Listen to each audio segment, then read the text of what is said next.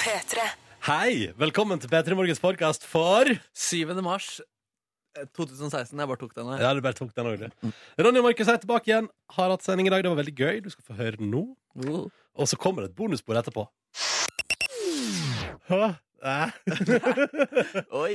Det er nesten så jeg, altså, så jeg lurer på sånn Hvordan lager man radio, egentlig? Ja, eh, er stemmen din der? Hallo? Hallo, den fungerer! Den Ja. fungerer også.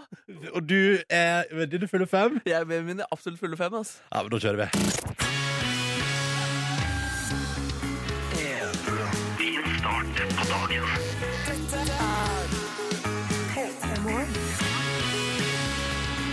Oh, snart sju minutter over seks. God mandag 7. mars, og velkommen til P3 Morgen. Jeg heter Ronny og syns det er så stas å være tilbake i radioen. Hallo! Hallo, jeg skriver under på det. Jeg heter Markus Ekrem Neby og syns det er så stas å være tilbake på radioen. Ja, Vi har hatt noen veker. Ja, hvis du lurer på hvor Silje Nordnes er, så driver hun fortsatt med å lage altså, fiskeorientert reality-program i eh, Nord-Norge. Hun er tilbake etter påske. Og hvis du tenker sånn åh, påske er en evighet til. Nei, det er faktisk bare to uker. Det er bare to uker til. Og så hvis man savner Nordnes veldig, så kan man jo se på det som en investering, Fordi da blir det jo mer Nordnes eh, om ett år.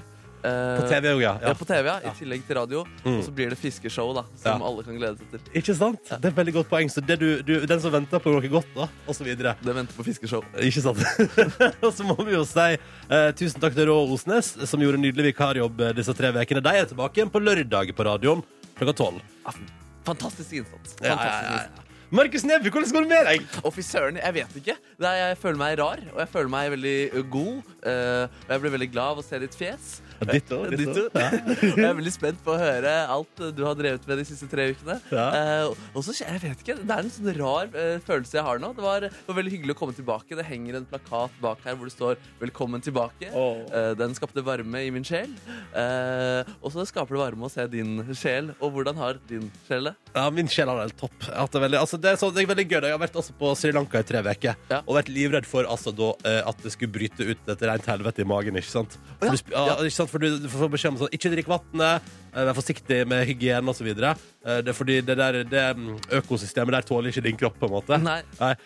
Og så er det jo gøy at man går på pinne i tre uker og er nervøs for at det skal bare bli det. Altså, altså eh, hva skal man si Hiroshima, liksom. I, i tarmsystemet. Men det ble ikke noe Hiroshima? Nei, nei, nei, nei, det måtte vi vente. Jeg kom tilbake til Norge med. Sier du det? ja, så jeg har hatt en litt rar helg, men ellers så går det, går, det går fint nå, altså. Jeg er i toppform. Jeg er lykkelig over å være tilbake i radioen. Jeg gleder meg til å henge med deg der ute, og med deg, Markus Neby. Yes, men, men kanskje kroppen din egentlig uh, passer bedre til srilankisk uh, kost? Jeg, vet du, jeg har aldri aldri hatt så stabil uh, mage før. Sier du det? Jøss da. Og så du har fått kortere hår enn sist også. Ja, det, det, det var planlagt. Det var planlagt. Ja, jeg tenkte så, Kanskje sånn rufsehår i sola, vet du. Eh, hvordan går det med deg, kjære lytter? Har du hatt ei bra helg? Har du opplevd noe fint? Eh, fortell oss om det. Vet du hva, fader heller, I dag deler vi ut et, um, et mjau, mjau, mjau-nett til en av de som sender oss melding og forteller om helga si. Ja, P3 til 1987. Hvordan har du hatt det egentlig? Hva Har du drevet med? Har du opplevd noe fint? Har du møtt noen nye mennesker, eller har det vært altså, samme gamle, deilige duren der dere cruiser gjennom helga og koser deg maks? Vi vil høre om det. P3 til 1987. OK, velkommen til oss, da. Vi er i gang. Det er rart. det er helt perfekt. Å, det er deilig å slå deg igjen, Markus. Det er deilig å se deg igjen. Altså. Og jeg gleder meg til å høre fra deg også der ute, kjære lytter. OK. Eh, vi har spurt deg som hører på hva du drev med i helga. Lovd vekk et mjau, mjau, mjau P3 Morgen-nett og kanskje et refleksband òg. Oi.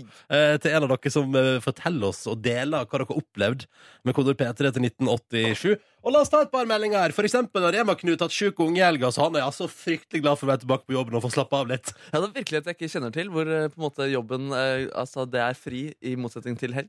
Ja, ikke sant? Fordi da er du hjemme og må liksom passe på familien, og i Rema-Knut sitt tilfelle så har det sannsynligvis vært eh, altså, hosting og harking og, og snørr overalt. ikke sant? Og så var det mm, deilig å komme tilbake på jobben, og da er det helt fritt for det. Ja, deilig, deilig. Og så er det en anonym her som, som har hatt alle ingrediensene en helg skal ha.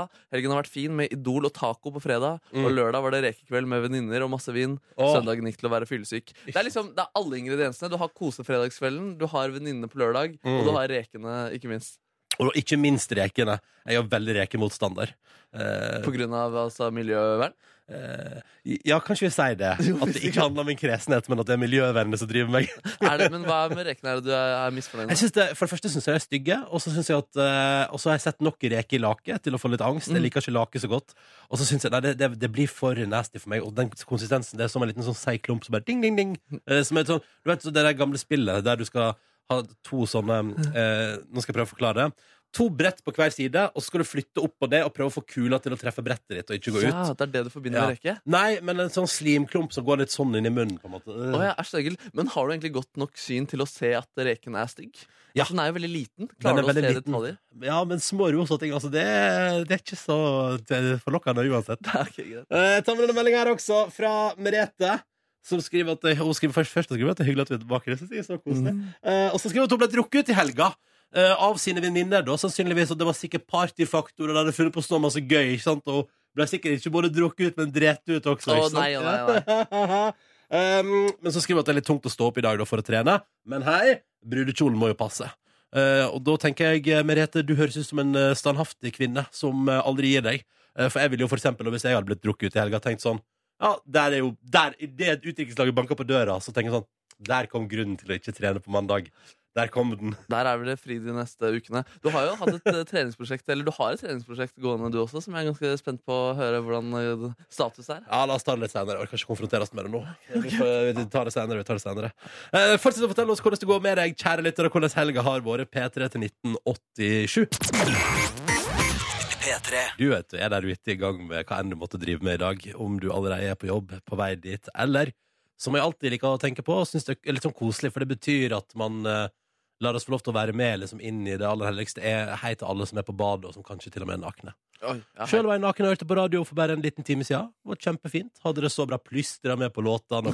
Ja, ja, ja. Hvordan, hvordan bevegde kroppen din seg? Nei, det, det, altså, det er tidlig på morgenen, så det er jo svake bevegelser. Altså, så, vidt, så vidt du merker at det er bevegelser der. Ok, Så du står ganske stille, og så plystrer du, og så nyter du musikken? Og nå høres det veldig rart ut. Jeg tenkte på sånn i dusjen og sånn. Å, ja, ok, Da, da, men eh, det kan hende at musikken gjør at det liksom har en liten ekstra schwung når jeg såper meg inn, på en måte. Oi, en ekstra schwung, ja. Ja. Sier du det? Ja, det kan hende. Jeg liker veldig godt bildet av deg som går langsomt inn på badet og plystrer til musikken. Mm. Nude til litt BBC Radio, eller hva det Ja, måtte det var P3. Det var P3. Ja, det var P3. Ja, det var P3 i dag. Um, og så, ikke minst, eh, når man føler seg såpass vågal, for det kan jo hende man er på morgenen, og det gjorde jeg i dag. Jeg vågna til en sånn, vet du hva, i dag bryr jeg meg ikke. Og så gikk jeg naken ut i stova, selv om eh, altså, rullegardinene var oppe. Oh, Eh, så da kan naboer ha sett meg naken, men vet du, er dette halv seks, da går det bra, tror jeg. Ja, Det er kjipt å lekke nakenbilder av Ronny Brede også. Og det er du for eh, sympatisk til at noen vil gjøre med deg, tror jeg. ass. Opptekte så grusomt. Ja, Med mindre du blir millionær, eh, og du blir uh, gigantisk rik og får en stor formue. For da kan man presse meg for penger, ja. Absolutt. Ja, absolutt. sant. Nei, men har du, har du tenkt på det? La oss, altså, har, du, har du vært innom tanken rundt hva du hadde tenkt, og hva du hadde gjort, og hvordan du hadde handla dersom du skulle lekke nakenbilder av deg på internett, eh, Markus? Jeg har tenkt definitivt tanken, og jeg tror at uh, altså, jeg, da hadde, da, jeg hadde bare følt at jeg hadde tapt. da Mm. jeg, jeg, det, er ikke, det er ikke noe mer å Nei, nei, liksom. da er jeg tapt! Internett har bilder av meg. Det er ikke noe, vits, det er ikke noe jeg kan gjøre. Jeg kan ikke la meg presse for uh, verken penger eller uh, komplimenter, hvis det var det de ville ha. De som hadde lekket nakenbilder av meg. Nei, sant. Um, så, men jeg hadde kanskje sendt en mail da, til kilden og spurt Er det ok om du sletter de, eh, de bildene. Um, Men så fort det er på internett, vet du, så er det håpløst. ja, Hva hadde du gjort? Nei, det, nei, jeg er enig med deg. Det er bare å legge seg ned. Det er tapt. Har du sendt en, en Eller har du noen fotos på mobilen som kunne kommet på avveie? Nei, Nei, ingenting. Har du? Nei, jeg nei, nei, nei, nei. Mm, måtte tenke deg om der. Ja, Jeg har jo et eh, rumpebilde av meg selv, men det har jeg på en måte lagd et gigantisk versjon av og solgt for masse penger. Så det er jo ute, på en måte. Det Markus refererer til, er at det er en P3-lytter som har et gigantisk bilde av Markus med, eh, i senga si med T-skjorte, men ingenting under, Ja. Eh, som ligger da foran Mac-en sin. Naken på underkroppen, Donald Duck-style. Eh, og det solgte du på P3-aksjonen for noen år siden, og fikk tusenvis av kroner for. Stemmer, stemmer. ja. Det ble, det ble verdsatt av, altså, av en kunstkjenner til 14 000 kroner, faktisk. Men eh, det ble ikke solgt for mer enn 2700-800 eller noe sånt. Nei, for det er et eller annet med, det er et eller annet med at når, du, når du er død, Markus, Ja. da kommer det bildet til å være verdt shitloads. Ah, da, da er det verdt 14 000, eller? shitloads? Ja, Shitloads? Shitloads. shitloads. Eh, dette er P3 Morgen. Dette er Didrik eh, Tulin og Sonja Alven. To bergensere som har slått seg sammen eh, og laga nydelig musikk sammen. Og så sa du, Neby, at han hang du med i helga, han eh, Didrik der. Ja, lite grann. Lite grann. Ja.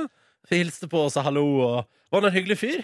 Absolutt, en veldig hyggelig fyr. Jeg spurte jo litt om Woodstock, som var det bandet han var i før. da Ja. Hvorfor er dere ikke sammen? Og nei, det er bare litt forskjellige retninger. Og Ja. han sa han satte pris på å se på P3morgen, eh, noen P3morgen-klipp på internett. Oh, og ja, Oi, oi, oi. Så da beundrer dere hverandres verk.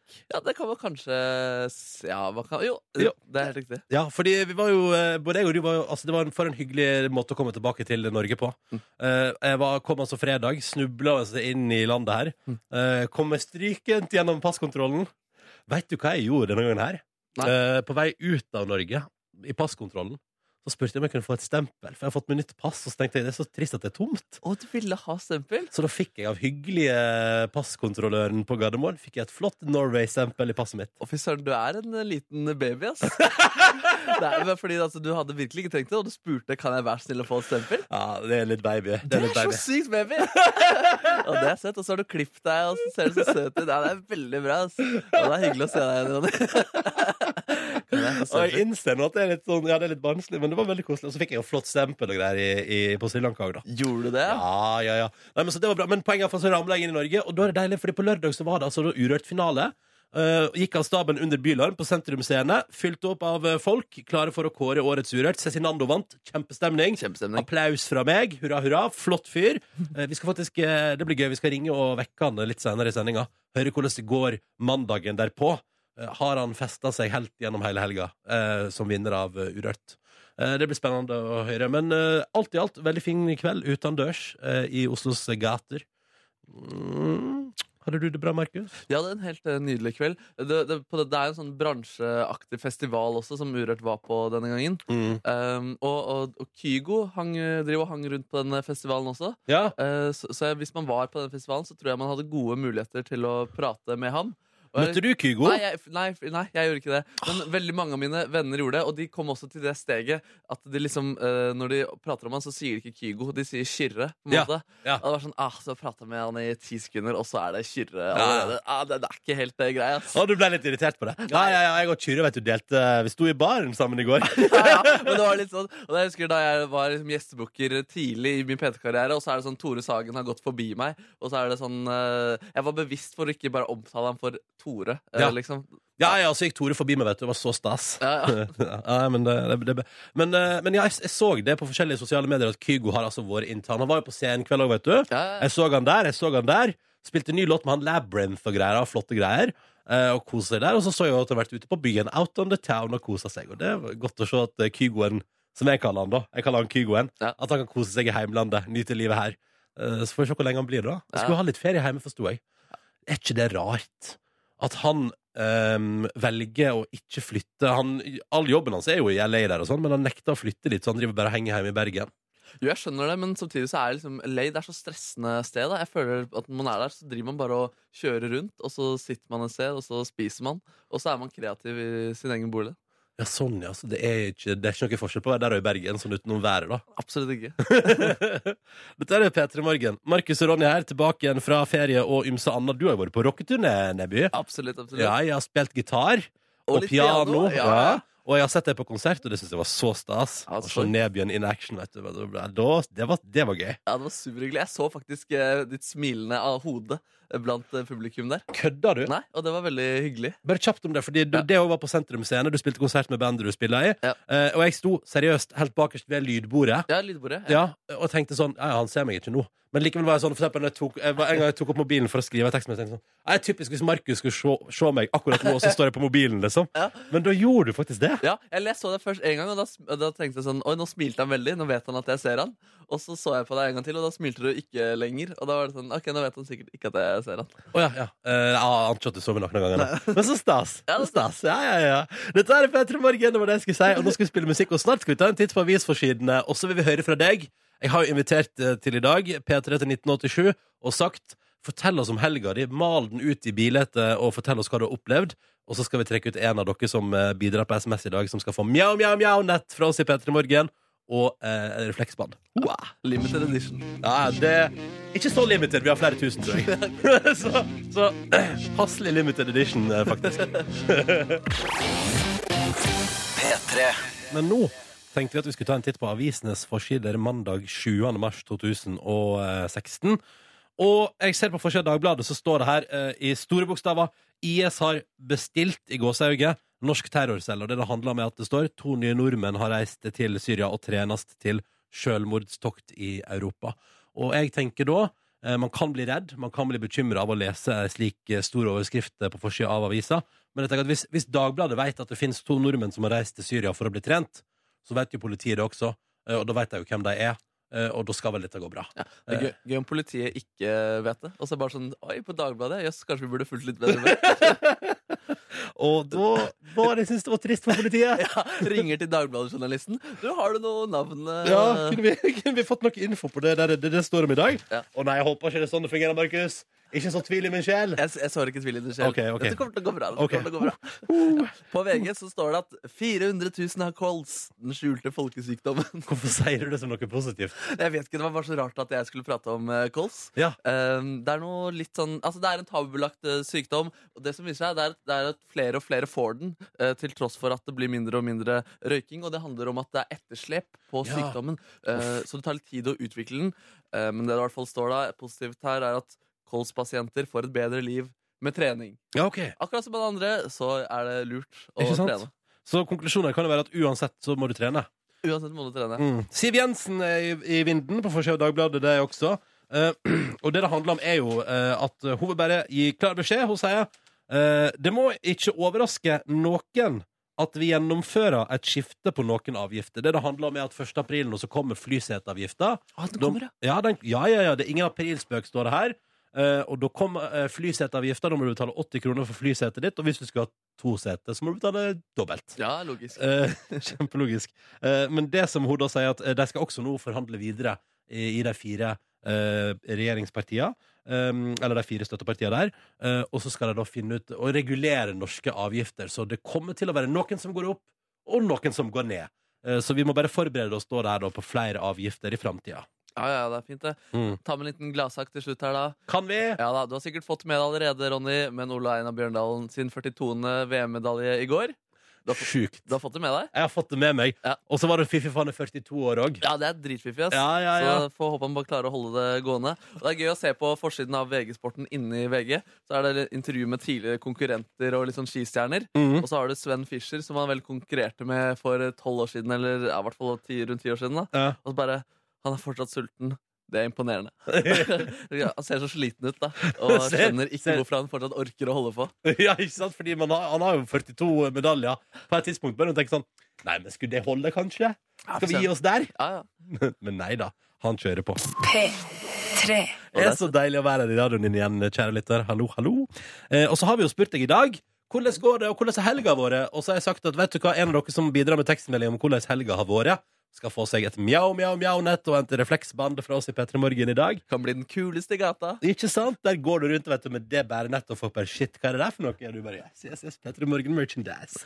Um, og vi har fått meldinger. Det synes jeg er veldig koselig. Det er blant annet um, maskinførerlærlinger Eller maskinfører Ja, det har, har ikke prata så tydelig på tre uker. Det merkes. Nå prøver jeg igjen. På onsdag kommer det til å sitte perfekt. Ja, ikke sant? Onsdag. Det er målet. Maskinførerlærlingen fra glade Sørlandet har altså ute og brøyte akkurat nå, da, og har brukt helga på, og dette syns jeg er vel innholdsrikt. Her står det Brøyting, hyttetur, kino og dama. Eh, og det jeg da funderer på der, er både det at du har vært på hyttetur, og at du har vært på kino og prioritert eh, dama. Det kan jo hende du har gjort på hyttetur også, men, men det er et eller annet med at når jeg reiser på hyttetur, da setter man av hele helga, da gjør man ikke noe annet. Skjønner du hva jeg mener? Jeg skjønner absolutt eh, hva du mener. Det Mm. kan jo være at han har hatt en liten eh, Altså han har en sånn hytte du bare går til på dagen, som ikke er så langt unna. Mm. Um, fordi du har vel ikke noe hytte i umiddelbar nærhet, du? Man må transportere seg for å hytte, ja. Ja. Jeg ble, Eh, jeg ble allikevel nysgjerrig på hva, hva han hadde med dama på av brøyting, hyttetur og, og kino. Kanskje Eller- brøyting satt liksom bak på traktoren og bare hei, hei. Det høres veldig romantisk det, Ja, ja, ut også. ja. Eller liksom dama var en egen post som ikke fikk være med på verken hyttetur, kino og brøyting. Men at det var sånn satt av en liten en time til dama der også. Hei, hei, da kommer jeg. Jeg har bare en liten time, for jeg skal på kino etterpå alene. skjønner du Så det bare, nå må vi bare få i gang det sosiale, sosiale her. Så jeg kan komme fort ut igjen. Ida har også vært på en eh, slags eh, hyttetur. Hun prøvde seg på lørdag for å gå på ski i Oslo. eh, Men etter 1,5 km i superklubb, ca. 3 cm snø under skia, og ikke preppede løyper, oh. måtte hun og sine, sitt følge gi opp. prøvde på nytt på eh, lørdag. Eh, Det står lørdag, jeg antar at hun mener søndag. Mm. Etter full omspurning av skiene og nypreparerte løyper. Det ble knall. Det ble knall! Det ble knall! Åh, det endte godt. Historie endte godt. Nei, det var godt å høre. Eh, kan jeg også ta med denne her? Denne synes jeg er utrolig interessant. Det er Marina som har sendt melding. Og hun har altså i helga vært på utstilling med marsvina sine. Oi, tatt de med på utstilling? Ja, og hun tok en, tre, en tredje og en førsteplass til marsvina sine i marsvin-NM. Hæ? Det står en marsvinutstilling er større enn dere tror. Er det sant? Ja! Gratulerer. Jeg Altså, gratulerer så mye til Marina. Jeg lurer nå på hva slags premie marsvin du har, Marina, som altså har tatt frem førsteplass på utstilling. ja, Det og, høres helt rått ut. og om det er flere kategorier. Altså, årets mannlige marsvin og årets kvinnelige marsvin. Mm. Årets Årets voksenmarsvin, årets babymarsvin. Årets nykommermarsvin. ja. og selvfølgelig hedersprisen. Det er et marsvin som har vært med lenge, og som har gjort en god innsats for marsvinmiljøet. Hvordan tror du premien deres er? Mm. Jeg tror det er bitte, bitte små kranser som man kan feste rundt hodet til marsvinet. Oh, det Som fint en sånn miniatyr. Og Marina, hvis du har et bilde av marsvinene dine som altså har tatt, fra, tatt en tredje- og førsteplass på utstilling, vil vi gjerne se det. P3 til 1987, eller send oss en mail. P3morgen.nrk.no. For det der, vi er nysgjerrige, Markus. Jeg er kjempenysgjerrig. ass. Og hvis det har bitte små kranser som de har fått rundt hodet sitt, vil vi gjerne se det òg. Jeg vil se dem i hvert fall med premien, om det skulle være noe annet også. Ja. em, om det er liksom et årsforbruk av et eller annet. Eller noe, ja. Akkurat nå, seks over sju, syns eh, Markus Neby og jeg som heter Ronny Brede Aas at det er utrolig deilig å være tilbake i radioen din etter en liten ferie fra radioapparatet. Herregud, så deilig. Jeg er fortsatt helt sånn Jeg er nesten skjelven av hvor gira jeg er av å være tilbake. Ja, jeg skjønner hva du mener. Jeg er nesten litt sånn nummen av det. på en måte Jeg føler at, eh, at skuldrene bare de, de, de, de finner sin plass etter hvert, de også. Ja, senka seg ned. Senke seg ned. På sikt. På På sikt. sikt. Ja. Uh, vi trenger en deltaker til til vår konkurranse. Vi har én, men vi mangler én. Uh, og da skal vi gjennomføre den nå. Så hvis du har lyst til å være med på, på konkurranse på radio akkurat nå, så må du ringe oss. Og nummeret, Markus, hva er det? Det er 03512. Hva sa du? 03512. OK. Og da ringer man dit og sier hva for noe? 030 Nei, man sier 'hei, jeg vil gjerne være med på konkurransen'. Um, og så møter man en hyggelig mann som heter Kåre Snipser. Han er vår produsent. Mm. Uh, høres, har en ganske sånn dyp eh, røst. Ja. Kan høres uh, i noen settinger uh, veldig sympatisk ut. Mm. I noen settinger veldig voksen ut. Men, men en nydelig mann. Jeg vil anbefale det. Ja, du anbefaler å prate med han. Ja. Så altså, hvis du vil være med på konkurransen vår nå, så ringer du 03512 og sier hallo til Kåren. Satser vi på at vi får med en deltaker til mens vi prater med vår deltaker nummer én. Hallo, Tom Marius. Hallo. Hei. Hvordan går det med deg i dag? Ja, det går bra. Ja, Er du klar for en ny uke? Har du opplevd noe fint i helga? Ja, det har vært hard helg. Og hvorfor det? Jeg- Foreldrefest og litt sånn småtteri på lørdag eh, tar på. Det tar på foreldre, altså dine foreldres fest? Nei, foreldrefest på barneskolen. Å ja, oh, ja, så det, og det tar på? Det tar på. Jøss! Det visste jeg ikke. Så der eh, møtes alle foreldra til eh, ungene, og så blir dere kjent med hverandre som foreldre uten ungene? Absolutt. Høres jo kjempekoselig ut, egentlig. Hva- er klokkeslettet for denne festen?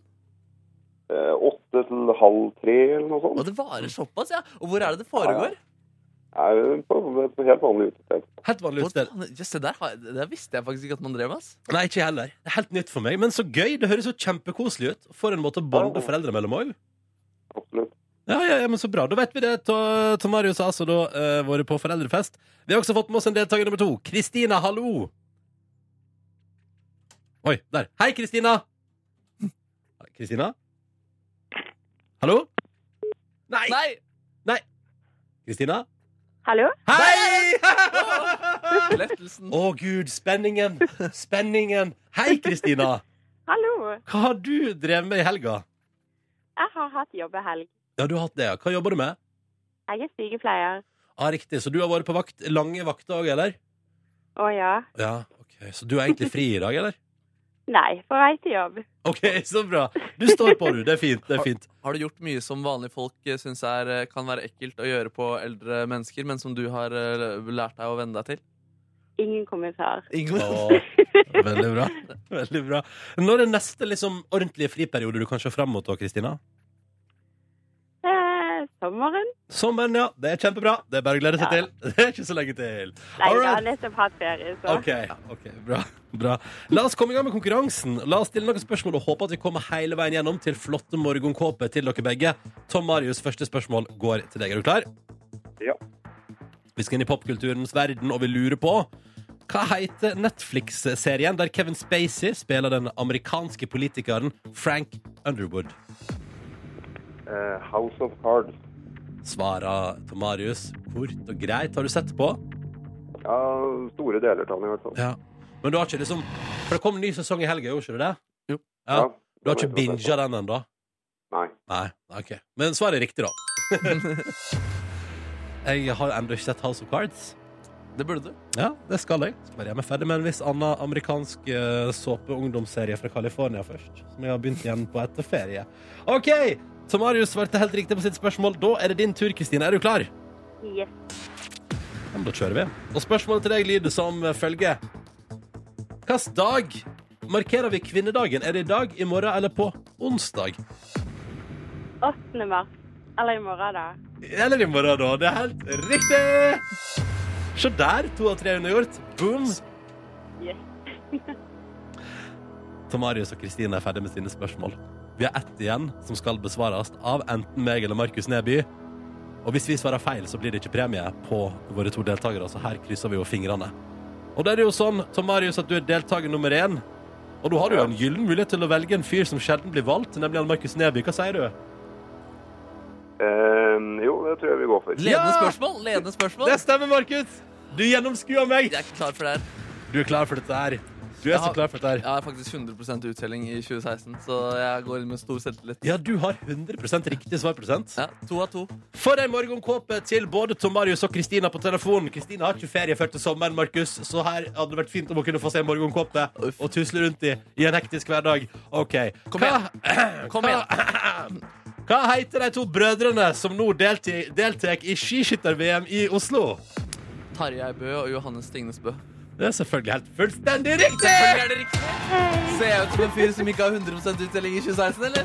Du har 100 uttelling i 2016. Riktig valg, riktig valg, Ja, Tomarius. og de er jo også fra Stryn, begge to. Oh. Glad gutter fra Sogn og Fjordane. Det gjør meg lykkelig, og når de lykkes.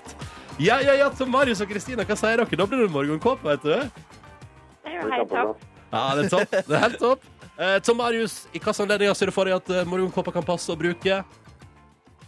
Nei, det må vel bli på en eh, litt sånn lat søndag, tenker jeg. Ikke sant? Ikke på foreldrefest. Nei, nei, kanskje noen timer etterpå.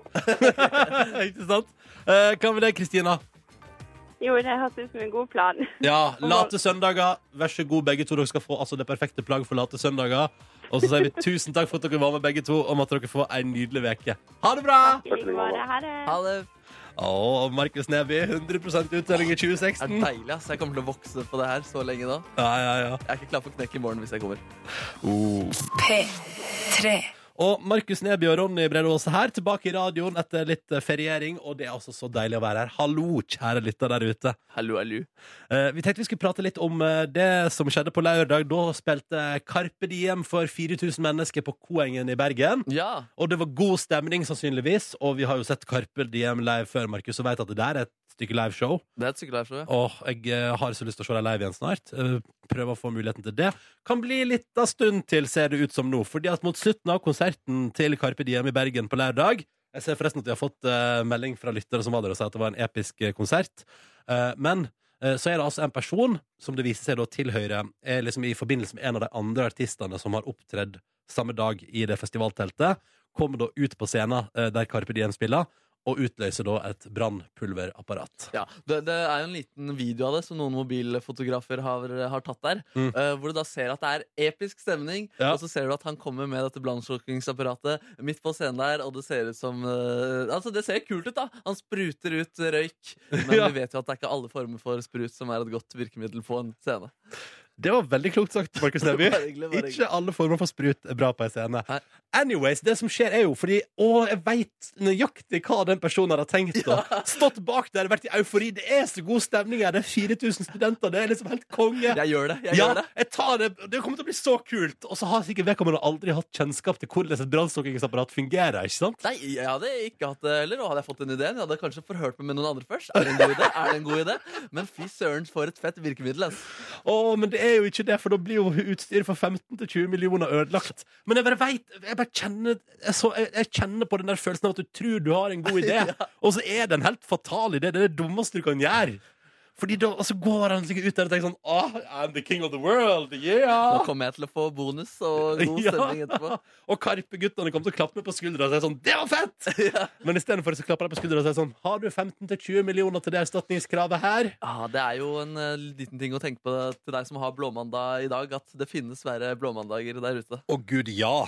Om du dreit ut på fylla i helga, så er det liksom én stakkar der ute som på en måte gjorde dobbelt så hardt som deg, minst. Og det er så vondt. Og det verste er jo at det får jo konsekvenser. Altså, jeg, jeg føler jo med mitt heimfylke. Det skulle jo egentlig være Karpe-konsert i Sogndal i går. Måtte avlyses. Fordi utstyret Nå er det et firma i Bergen som driver og åpner alle instrument og alt teknisk utstyr.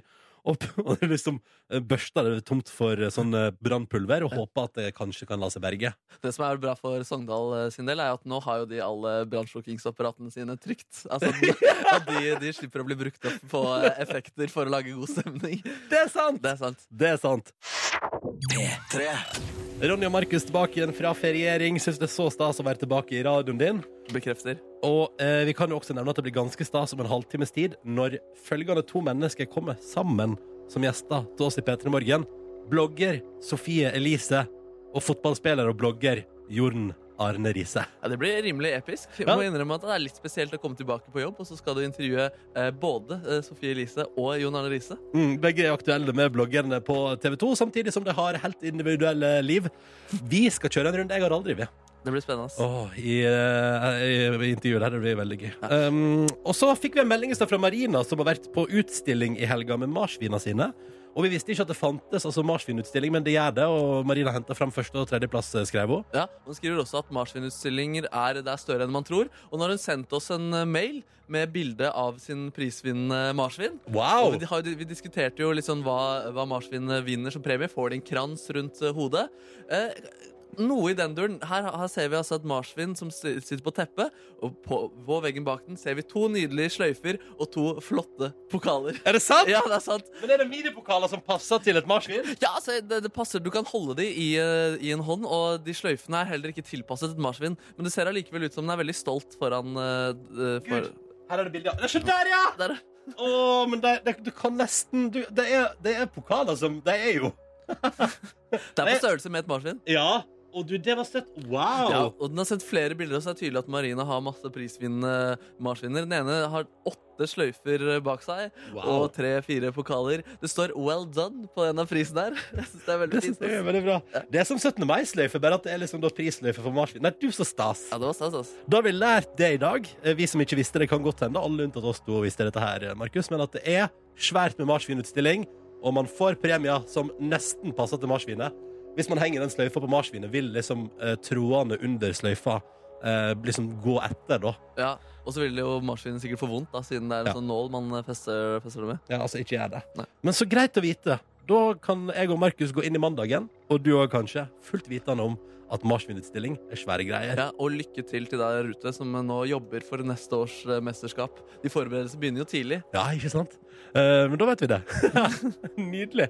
Du, kjære lytter. I eh, helga så var det Urørt-finale på lørdag. Cezinando vant. Stakk av med seieren. Årets Urørt. Og vi tenkte vi skulle ringe han og vekke han på mandagsmorgen eh, nå straks. Og høre hvordan det går med fyren. Hvordan går det med Årets Urørt eh, mandagen derpå? Det skal vi finne ut om litt. På lørdag så var det Urørt-finale. Eh, årets Urørt skulle kåres. Det sto mellom Fasit, Ida Stein og Cezinando. Og til slutt så var det Cezinando som tok seieren, og som nå da er Årets Urørt. Vi har ringt for å vekke han. God morgen, Cezinando. Hei! hey. Gratulerer så mye. Jo, takk.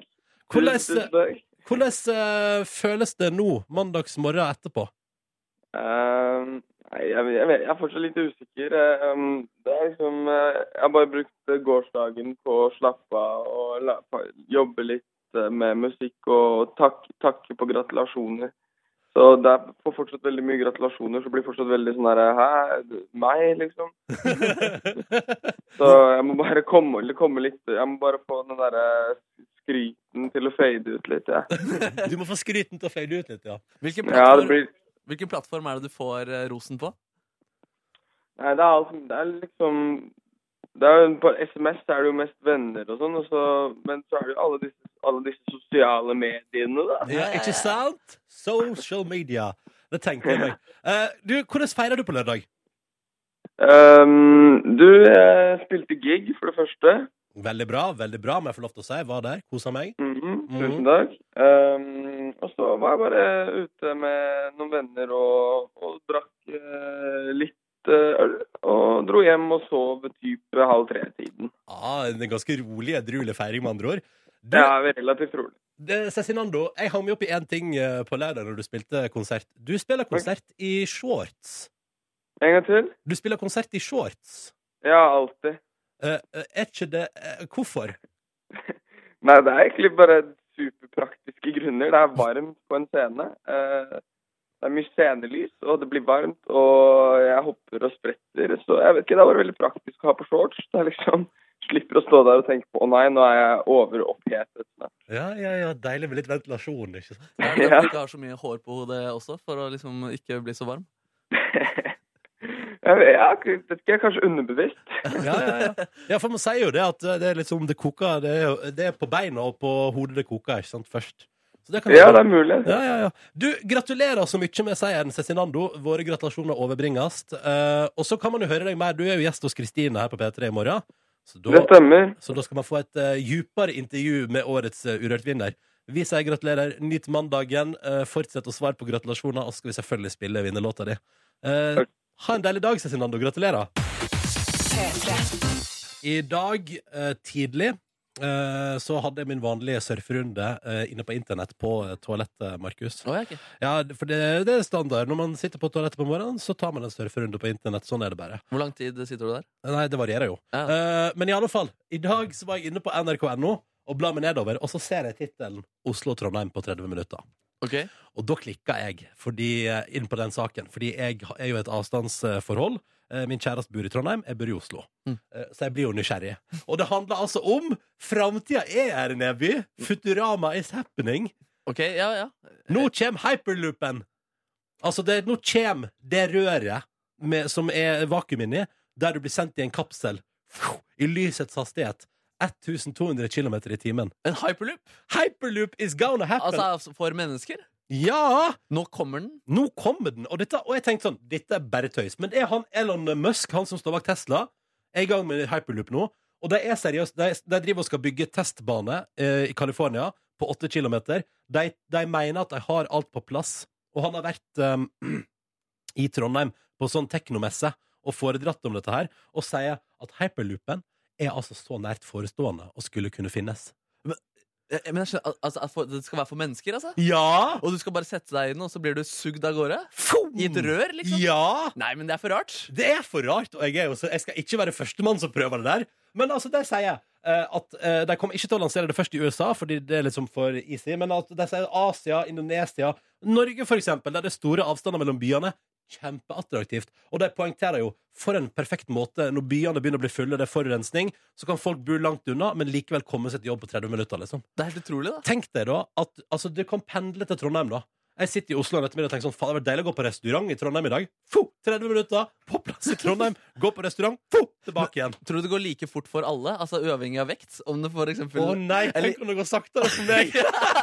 jeg tenker i hvert fall sånn at jeg, jeg ville slanka meg eh, Ikke, ikke for, om jeg var deg, men om jeg var meg. på en måte Fordi det høres jo En ting er å sitte fast i et uh, rør, men ting er å sitte fast i et rør over Bergen, eller uh, og, så, og så håper du at du skal komme fram, og så sitter du fast der. Altså. Å. Det høres veldig klaustrofobisk ut. Ja, men De sier at du blir jo sendt i en kapsel, eller faktisk toglignende saker.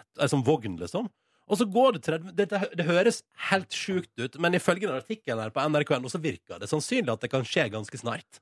Fy søren, ass. Tenk dere. Jeg har lyst til å oppleve det, og jeg har opp- også veldig opp, lyst til å oppleve å se deg altså, altså, altså gå, sitte på et sted ved Oslo, og så ser jeg bare i et rør over meg. Der fikk Ronny bort! Ja. Nå skal han besøke kjæresten. Du kommer ikke til å se mer den der fyka går i 1200 km i timen. Å, fy søren, ass. Tenk den sveisen du kommer til å få av. Altså. oh, litt sånn Det ser alltid ut som du er litt i fart. Fy søren, den, den musikken jeg skal høre på da, den skal være noe episk eh, filmgreier. Altså. Ja, ja, ja, definitivt. Altså, og så kommer jo nederst i saken på NRK.no, så prater de med Abid Raja, da, eh, Så så er det sånn Ja, kanskje vi i Norge første gang bare skal ordne oss bedre tog. Ah, sånn, Eh, han sier vi er veldig tidlig ute på teknologi i Norge, unntatt når det kommer til transport. Det er. Og det har han jo rett i, så vi får se hvordan det er med det egentlige. Men eh, det virker som det er liksom It's about to happen. Fy søren, det er spennende. Jeg håpet at med Abid Raja at eh, han var sånn Det som sto i saken, var at han sa 'jeg skal prøve den først'. Ja, ja. At det er I'm gonna be the first one. Ja. Men det var ikke det han sa. Nei. Dette blir spennende. Og så tenker jeg at det er gøy, Fordi da kan det hende vi liksom om om ti år liksom sitter og ser på for eksempel Futurama, der folk blir sendt i sånne rør, og tenker sånn Ja, det ble jo faktisk noe av. Lenge før de trodde det skulle bli noe av. Fy søren, det er rått, da. Framtida er her. Framtida er her, kjære lytter. Bare så du vet det. Og vi har fått besøk, jeg og han Markus, vet du, her Ja, ja, i P3 Morgen. Eh, Sofie Elise og Jon Arne Riise. Det rimer. Det synes jeg var litt gøy. Velkommen skal dere være, begge to. Takk. Takk for det. Eh, vi begynner med Sofie Elise. Mm. Ødela tanna di i helga, eller fikk det et lite hakk? Yes, det gjorde jeg. Hva var det som skjedde? Jeg var på, i Bergen for å være på Carpe Diem-konserten og hadde det litt vel gøy på Fors-konsert og etterfest. Så jeg vet ikke når det skjedde, men eh, Og så du våkner liksom bare på søndag og bare hm, her er det et hakk i tanna? Nei, for jeg har noen vage minner av at jeg står og sier sånn 'Hallo, jeg har knekt tanna', liksom, når vi er ute. Og så kjente jeg det dagen etter også. Åh, ok, men eh, når, eh, Mens du, eh, Sofie Elise, var ute og ødela tanna di på Carpe Diem-konsert i Bergen, hva drev du med i helga, Jon Arne? Jeg var i Singapore, jeg. Du var i Singapore. Ja, på en eh, Hva skal man si? Nesten en dagstur. Jeg var vel borte fra Norge i nøyaktig to døgn. Det høres bare slitsomt ut. Det ble slitsomt. Det, det er klart, Man får jo businessbilletter av de som arrangerer eventet i Singapore, så man Ja. sover jo, men det er jo syv timer til Dubai, og så vente tre-fire timer, og så syv timer til. Så det var en lang tur. Ja, det høres, eh, det høres slitsomt ut. Men tennene i behold. Tenner og kroppen alltid beholder en fantastisk opplevelse, og ungene som var der med fotballturneringa, var happy at jeg var der, så det, det var veldig mye Det var veldig verdt det, for å si det sånn. Ja, ok Så du kommer tilbake og tenker ikke at det var dritt, liksom. Det var digg. Nei, jeg var sliten. Jeg kom hjem eh, i går eh, formiddag. Jeg var sliten. Det har jeg ikke sovet på 42 timer, så det var, det var greit. Det var greit. Um, ok, så du, du er i Singapore, eh, Sofie Elise i Bergen. Og i kveld så er dere aktuelle med en ny runde bloggerne på eh, TV2 Livsstil. Det skal vi prate om eh, straks, men, men først så lurer jeg på, med sånne hektiske liv som dere lever, er det noen rutiner på morgenen dere alltid holder på? Uansett hvor dere er, eller hva dere gjør? Mm. Nei, det spørs jo hva man skal. Men sånn som i dag, så møte opp her kvart på åtte og stå opp, stå opp kvart over sju. jeg. Ja, du, og du, ok, Så du bruker ikke lang tid på morgenen? Nei, jeg syns ikke jeg bruker lang tid når jeg står kvart over sju og jeg er her kvart på åtte, ferdig, klar for dagen. Det er veldig Du ser rimelig dusja og fresh ut, da. Mm. Ja, men du vet, eh, lukter ikke million dollars, vet du. Nei, da. Jeg skriver under på det. Altså. Ja, nydelig, nydelig. Sofie Elise, da? Når Nei. var du oppe i dag? Jeg var oppe um, ca. samtidig som han og rulla hit. Men jeg har ingen rutine, nei. Det er ganske kjedelig. Ja, men så så deilig, egentlig. Men dere har ingen sånne rutiner generelt heller, fordi dere har ganske sånn travle hverdager med ulike ting. Jeg tror vi begge har eh, ganske busy liv eh, på f- forskjellige måter, men også innen blogging òg. Så eh, noen rutiner kan man ha av og til, men eh, for meg er det mer sånn fotballrutiner. Sånn Hverdagslig, det tar jeg til å komme her, egentlig. Ja, ok, nettopp.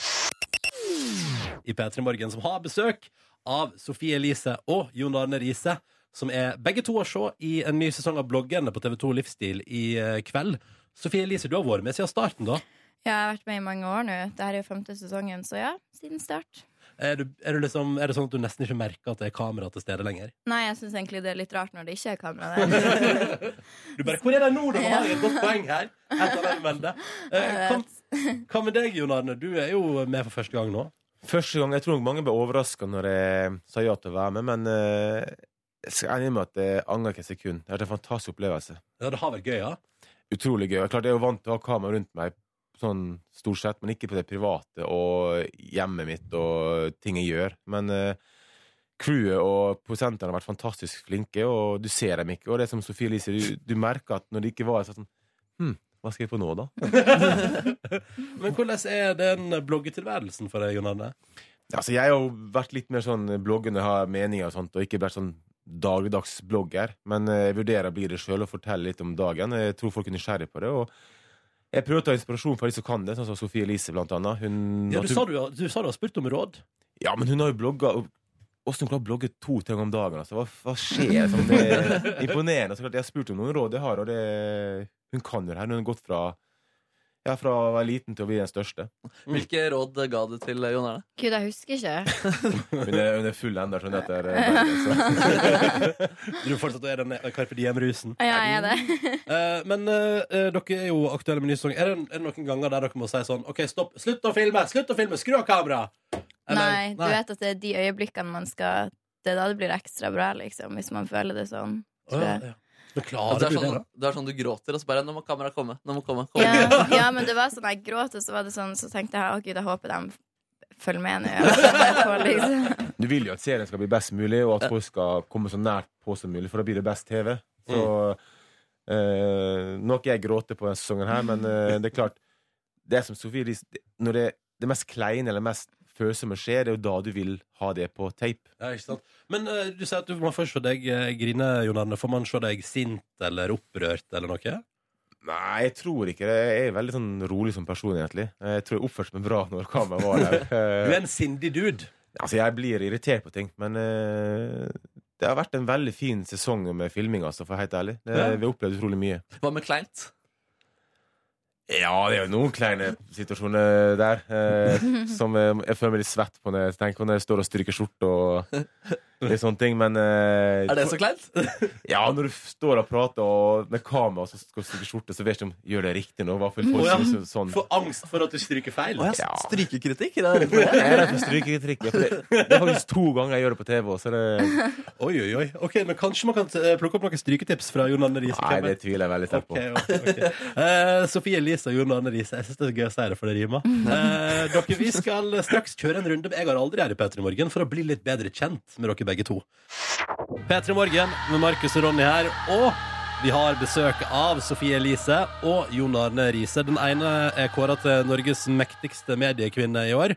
Den andre har eh, rekorden for flest landskampkamper på det norske landslaget. Legendarisk norsk fotballspiller. Er det vel lov å gå, Takk, koste seg? deg? Mye bedre det du sa. Han var sånn kjedehund, mektigste kvinne, så var jeg en nobody. Ja, du er en mester. Du er en mester. En mester, en mester og en uh, mesterinne eh, i P3 Morgen nå. Og vi skal gjennom noe som vi syns er altså så gøy å gjøre, nemlig en runde Jeg har aldri. Og da er det sånn at Markus her sitter på en haug med påstander.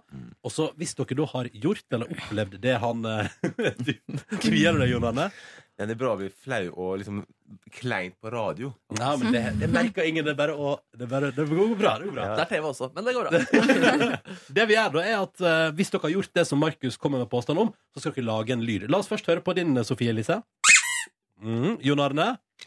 Ikke sant. Skal vi bare kjøre? Vi bare kjøre i gang, vi. La oss rulle i gang.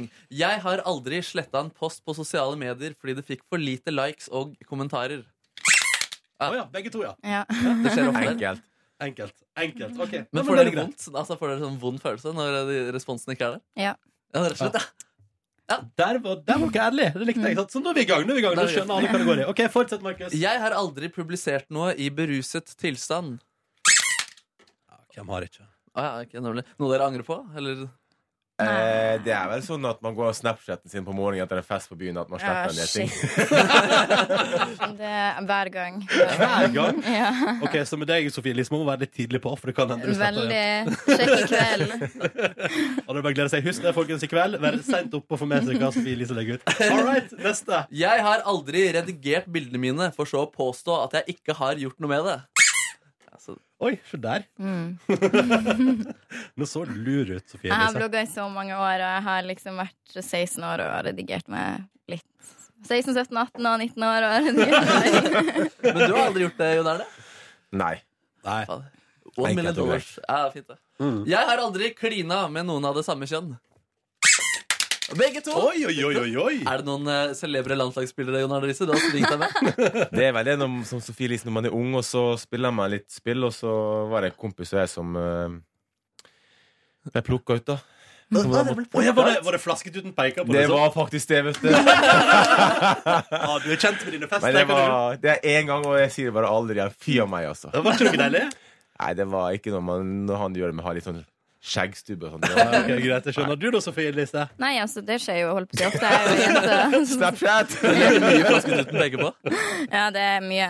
Det er mye. mye. Det er mye. Ok, men da vet vi det. Her er vi ærlige, altså. Her er vi ærlige, ja. Det er bra, det er bra! Og vi fortsetter, vi fortsetter. Jeg har aldri snappet erotiske bilder til noen. Oh. Ja, man gjør jo det. Ja. Hun gjør jo det, ja. Å ja. jo, selvfølgelig. selvfølgelig. Der kom det. Var det han samme fyren? Nei, eh? det var min kjære kone sin side. Å, ja. Eh, ok. Var det, var, det, var det på request, eller var det du som eh, tok initiativ til en Jeg tror jeg er med på det å sende sånne type bilder til eh, kone og en hund til meg. Ikke sant? Ja, nemlig, ja, nemlig. nettopp, ja. Så det er du som er den som er på der, ja. Hva med deg, Sofie Elise? Du er også alltid initiativtaker. Ja. Vi har to initiativtakere med oss her. Det er bra, det. Det er veldig, ja, ja. Jeg har aldri gitt bort noe sponset i julegave eller bursdagsgave. Jeg tror De må jo ha gjort det. Jeg kan kanskje ja. Ja, okay. Ja, det er praktisk. Det var halv, en halv en. Det kommer litt sånn etter eh, Sofie det. av og til må du tenke om du har gjort det. Og det jo, jeg har gjort det. Det har du gjort. det har du gjort Skal vi, ta, eh, skal vi hive på et par, en siste? Skal vi? Jeg har aldri uh, hatt sex med en norsk kjendis. Nå ble jeg så nysgjerrig, Sofie Elise. Nå ble jeg så nysgjerrig, Sofie Elise. ja. Ja, Nei, Vi er ikke gravende journalister. Vi. Nei, vi skal ikke spørre mer om det. Musikk, film Hæ? Er det en kjendis innenfor musikk, film, blogging? Er det en blogger? Alt. Alt? OK, Nei, men den er grei. Da Jon går vi ut på bare det. sitter der og bare Ikke si noen ting. Ja. Ikke si noe. Hysj nå, da! Eh, Jon Arne Riise og Sofie Elise, tusen takk for at dere kom til Peter Morgen, og lykke til med både premiere på fjernsynet og ikke minst premierefest i kveld. Håper det blir masse gøyale snaps, så dere må slette i morgen tidlig. Takk for det.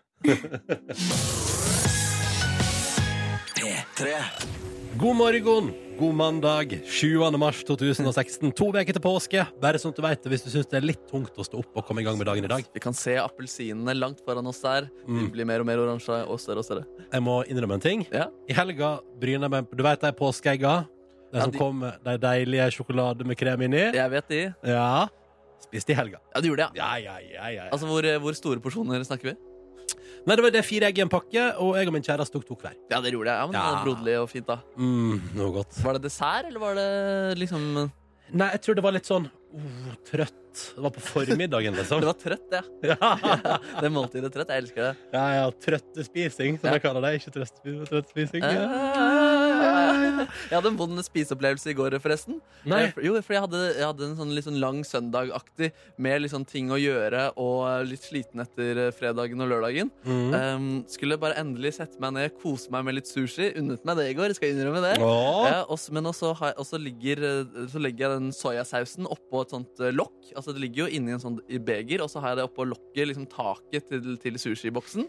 Ja. og, så skal jeg, og så skal jeg bare sette meg ned med min nyvaska genser og min nyvaska bukse og faktisk mitt nyvaska gulv, og så oh, smasher jeg eh, det lokket opp i været. Så så jeg han virkelig spruter opp på halsen min og renner ned over min nyvaska favorittgenser, min freshe bukse jeg hadde gledet meg til å ta på i dag, oh, og ikke minst på litt eh, gulv. gulv. Ja, og, Ja. Uff, skal du ha soyamerke på gulvet ditt for evig og alltid, du, da? Jeg lot det selvfølgelig ligge der, ja. ja, Og hvis det, ja. folk prøver å vaske det vekk, så skal jeg si nei, jeg skal Nei. ha soyamerke der for Det evig alltid. merket skal være Det meg om den søndagen i mars 2016 Da jeg sølte soya oh, Jeg har forresten fått øye opp for Altså, jeg har innsett i løpet av ferien min Hvor bra soyasaus egentlig er Å, det er bra, ass! det, Sojasaus, det er bra greier, ass Men hvordan har du oppdaget det? Nei, jeg har spist soya. Ja, Altså, For første gang i ditt liv? nei, Nei, nei, nei. men jeg har spist ting som kan dyppes i soya. mm. Mm, for eksempel.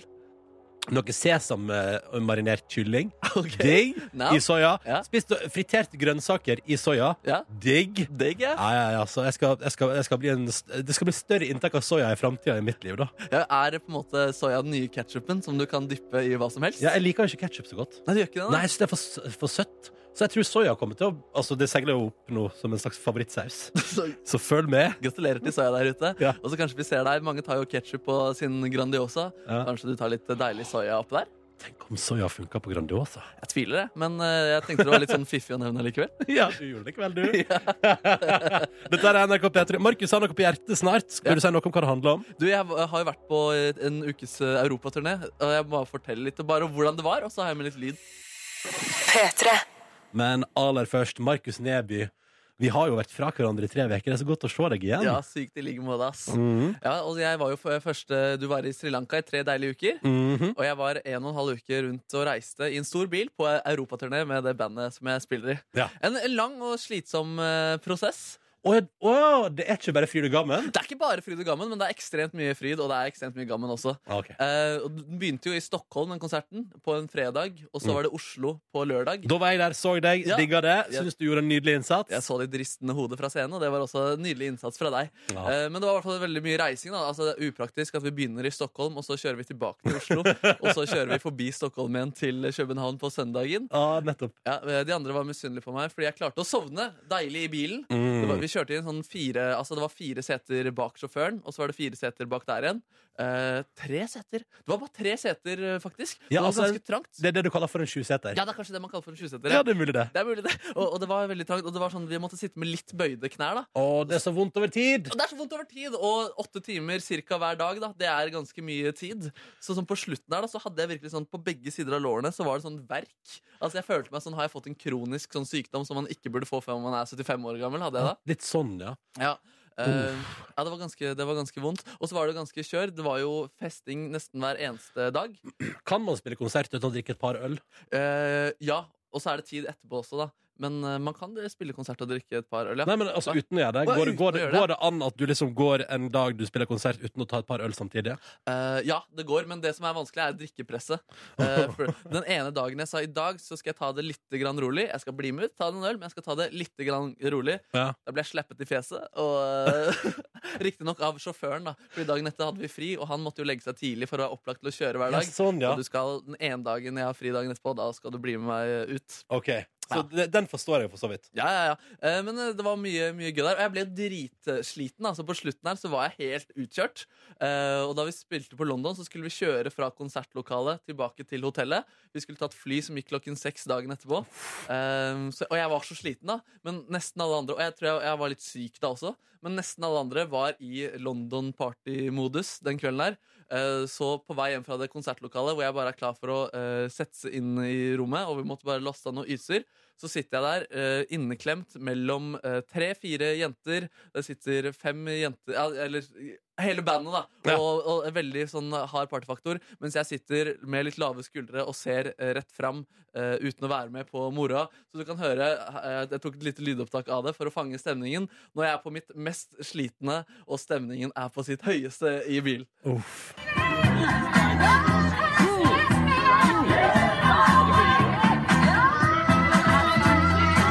Og det var så god stemning, da. og Alle var så klare. Og jeg bare sitter der i den gladeste musikken og villeste stemningen eh, til det der. Og du bare Jeg vil sove nå. Jeg vil sove nå. En sutrete fyr. eh, Uff. Ikke, ikke partypooper, da, men likevel en, eh, en sliten mann. Men det var i hvert fall en sånn grei oppsummering av turneen. Var det ikke det? Ja, det, jeg tenkte fram til, fram til for fire minutter siden tenkte jeg å være på turné må være det råeste i verden. Ja. Nå er jeg usikker. Ja, det er Cha-ching. Men det blir money av det, da. Det blir money av det. Fiffig overgang til den nye låta til Broiler på P3. P3. I dag så har vi altså spurt deg som hører på, hvordan har helga vært? Fordi det er jo det man er nysgjerrig på når mandagen eh, kommer. Eh, og vi har fått veldig mange fine tekstmeldinger. Blant annet er det en her som skriver at eh, vedkommende sitt høydepunkt i helga Dessverre anonym, men kanskje man vil være anonym når man deler slikt som dette her. Det blir spent. Neida, det, ikke, neida, det var bare at uh, høydepunktet var søndag morgen, når vedkommende og kjæresten lå i senga, spiste sjokolade og hadde Walking Dead-maraton. Å, det høres hyggelig ut. Ja, Ja. det, jeg vet ikke om Nei, anonymiteten her var så veldig viktig, nei. Nei, det kanskje ikke. kanskje ikke Og så er det en lærling her fra Bergen som er lærling på Elkem i Svelgen i Sogn og Fjordane. Ja? Ja, som altså har brukt helga på å jobbe. Fra altså da 18 til 06. Tolvtimersskift der. Oi, oi, oi. Ja, ja, ja. Men nå står det altså Nå er kun et vanlig åttetimersskift igjen. Og så fri og Hemsedal-tur. Så da blir det jo party-party og skis all over the place for vedkommende. Deilig. ass. Og så er det Anna som sender oss en SMS. Hun gir oss nuss på slutten. Nuss fra Anna, skriver hun. Nuss, nuss. Nuss, nuss. Hun har vært på Bylarm på festival i helgen og syns det var et fantastisk arrangement. Og høydepunktet var slekta og appellen til Inga Marte. Eh, Jeg, vet- jeg har ikke fått med meg den Har appellen. Inga Marte Torkelsen holdt appell? Ja, kanskje det var noe appell Jeg vet ikke om det skjedde i hvert fall ikke på Bylarm. Eller gjorde det det? Jeg Kanskje, jeg tror ikke Byland har blitt et politisk musikkevent, eh, egentlig. Jeg vet ikke. Nei, kanskje ikke ennå. Nei, nei, nei, men det er sikkert spennende. Ja, og hun har bestemt seg da om at eh, en og en halv måned så reiser hun til eh, Sri Lanka. Oh! Kanskje latt seg inspirere av Ronny Brede Sri Lanka også. det er et veldig bra land. Seriøst. For Ja. et nydelig land. Folk er så hyggelige. En annen SMS vi har fått eh, her, er en nysgjerrig fyr. da, Ronny. Eh, betongarbeider Birger, som lurer på hvordan det har gått med ditt eh, løpeprosjekt. Du skal løpe 150 km til sommeren. Ja! Ja, Du var i ganske god rute før du dro til Sri Lanka. Jeg lå foran skjema da, ja. Ja. Men jeg har vært inne på nettjenesten jeg bruker for å telle kilometer, som Ja. nå sier Den sier ikke 'du ligger bak', den sier har du glemt å synke opp løpeturene dine? Svaret på det er nei. Det har jeg ikke. Jeg har bare ikke løpt. Men Markus Neby, Ja. Nå har jeg hatt tre uker deilig ferie. Jeg hadde altså drukket så masse deilig øl og spist så mye deilig reis and curry. Nice. Uh, oh, mye vegetar, da. Ja, så, sånn sett har jeg jo levd et bra liv på ferie. Sånn sett, ja. Ja, og du ser ganske brun og frisk ut også. skal jeg si deg. Tusen takk! Ganske så gyllen hud. Å, takk, takk! Bare Og i dag skal den gylne huden få svette litt. Det har jeg forresten òg gjort mye i tropevarmen der. Ja. 34 grader, da koker det litt. Så kanskje uh, altså, at det er naturlig trening Det er jeg lurt på, faktisk. Om det er naturlig trening å svette. Jeg vet ikke om du får bedre kondis av å Nei, svette. det er det ikke. Men du går kanskje ned i vekt? jeg vet ikke Aner ikke. Men det vet jeg at jeg, jeg skal nå ta grep igjen etter tre uker i kosens eh, dus og sus. Så i dag har jeg med treningstøy på jobb og akter å jogge. Hvordan eh, føles det? Altså, Gleder du deg? Ja, ja, jeg håper det. Jeg håper det blir fint. Jeg må oppdatere joggelista mi litt på Spotify der, så er jeg klar. Skal jeg jogge som en hest. Og så får du svare tjenesten din, da, som eh, i god tro trodde bare at eh, du hadde glemt å oppdatere Ja. den. I dag skal jeg oppdatere den appen. Ja. Eh, og så har vi lovd vekk et bærenett til en av dere som delte helga deres. Og vi må jo selvfølgelig i dag gi et bærenett og en, eh, et refleksband fra oss i P3 Morgen til Marina, Ja. som har altså uh, vært på NM i eh, Marsvin eh, NM i marsvin, var det, ikke det? NM i marsvin. Marsvinutstilling, og hennes marsvin stakk av både med en førstepris og en eh, tredjepris. Hun er en merittert ma- marsvinvinner, og i dag så vinner hun også altså en katte, et katterelatert eh, P3 Morgen-bærenett. Mm, mjau, mjau, mjau står det på det, og det skal Marina få i posten. Som tusen takk for at hun delte, og tusen takk til alle andre som delte også. Det er gøy å vite hva folk tar seg til i helga. Oppsummert, folk har kosa seg stort sett, og noen har jobba. Veldig, veldig. Mm. Velkommen til P3 Morgens podkast bonusbord. Bo, bo, bo, bo, Bo, bo, bo, bo. bo, bo, bo. Og nå kommer han inn. Han vi alle har ventet på. Kåren, hallo! Direkte fra San Fran. Å gud, å gud. Oh, it's, uh, it's so nice to be here. Å nei, har du blitt amerikansk? Ja, shit, shit, shit, shit, det shit. skjer. Til de som følger Kåren på Snap, så har man jo fått rikelig med updates fra San Fran. Har du roma for hardt, mister? Nei! Nei. Hallo, jeg er jo sunnmøring. Så jeg har fått med hadde amerikanske telefonnummer der borte med Hadde inkludert data. Ja, fordi Det burde jo sikkert jeg og min kjæreste også kjøpt, for det var god 4G-dekning på Sri Lanken. Mm. Uh, men jeg eh, roma, jeg roma ingenting, da.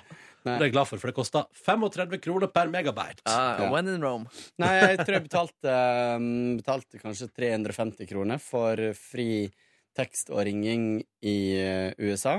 Og, uh, og, og, og fri data opp til 2 gigabyte eller noe sånt. Ja. 3 gigabyte. Det er ikke Men- bare skjegget ditt du har på stell, ass. Nei, nei, nei. Nei, nei, nei, nei, nei. Å gud, hvor skal vi begynne hen, da? Dette er jo sånn der, Nå er det litt sånn antiklimatisk eh, kjør, fordi eh, alle her har jo opplevd så mye. Ja. Og så vet man ikke helt hvor man skal begynne, eller hva man skal si, eller hva, hvordan skal det gå. Eh, eh,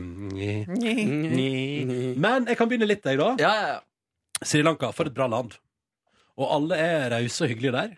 Eh, men det er jo litt deilig å komme tilbake til Norge og slippe å svare på 'Where are you from?' ja. Ah, yes. Og så ikke minst, fordi jeg og min kjæreste hang jo liksom nedover vestkysten og sørkysten. eh, Og det alle lurte på, var skal dere opp i høglandet. Eh, Hvorfor reiser dere ikke til byene som ligger i fjellet? Eh, og som alle sa sånn, der er det jo så deilig temperatur, det er verken varmt eller kaldt. Og så tenkte vi sånn, ja, for det er det vi er keen på. Fjellandskap og kulde. Lunka, lunka fjelltur. ja. Og alle prater uh, førdisk der borte Ja. også. Ja, ja, ja, ikke sant? Oppi fjellet der, ja. Ja. Skal jeg love deg. Nei, men For et nydelig land. Og buddhister, hyggelige folk. Uh, det er så interessant, da, fordi Sri Lanka er altså et land som nå består av altså buddhister, eh, hinduer, eh, eh, muslimer og kristne. Eh, så det, og det lever tilsynelatende i skjønn forening, og det syns jeg er veldig vakkert. I hovedstaden der, for eksempel, så er det liksom vi, vi rota oss det. Vi skulle ta en tuk-tuk-tur i eh, hovedstaden i Colombo. eh, og liksom bare sjekke ut byen litt. Men som han som kjørte oss i tuk-tuk, misforsto og tenkte sånn Å, det er vel bare besøk i religiøse hus. Så vi rota oss inn i en moské der jeg eh, plutselig Oi. ble påtvunget å vaske føttene mine.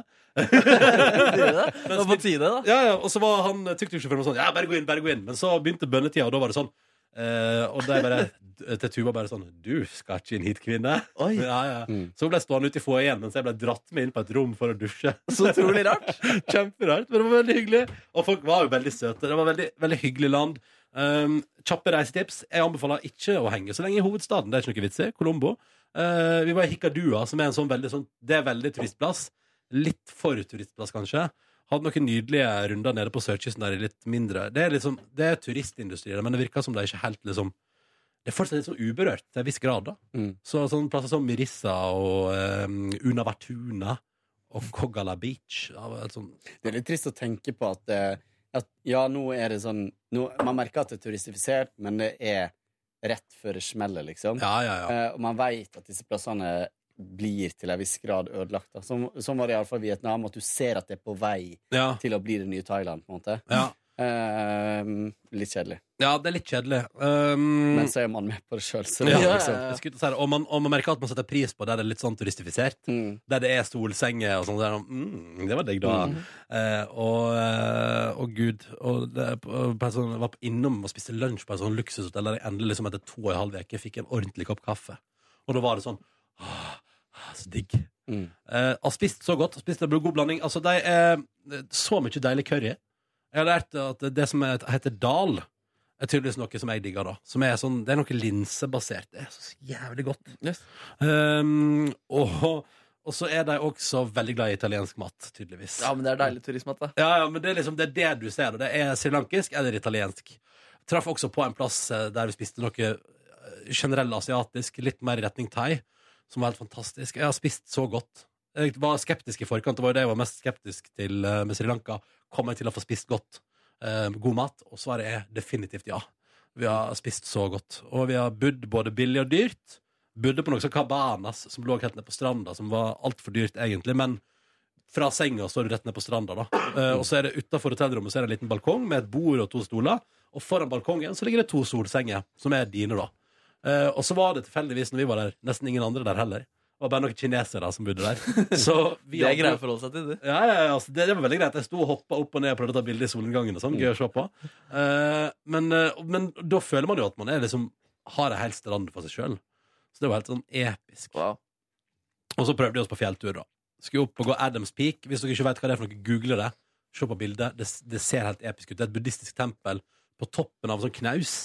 Og det ligger liksom sånn helt på toppen, men det, det, det er også bygd litt nedover, så det ser ut som det buddhistiske tempelet er i ferd med å skli av fjelltoppen. Mm. Men det, og det, var så, det så så episk ut, og jeg gleder meg sånn. Og man går opp om natta, da man begynner klokka to, og så går man opp sånn at man får med seg soloppgangen klokka fem, og så går man ned igjen, da. ja, du går helt på toppen av dette Ja, ja. ganske høye fjellet? Ja, ja, ja. Men det som skjedde den helga vi var der, er at vanligvis på helg så er det ca. 20 000 der.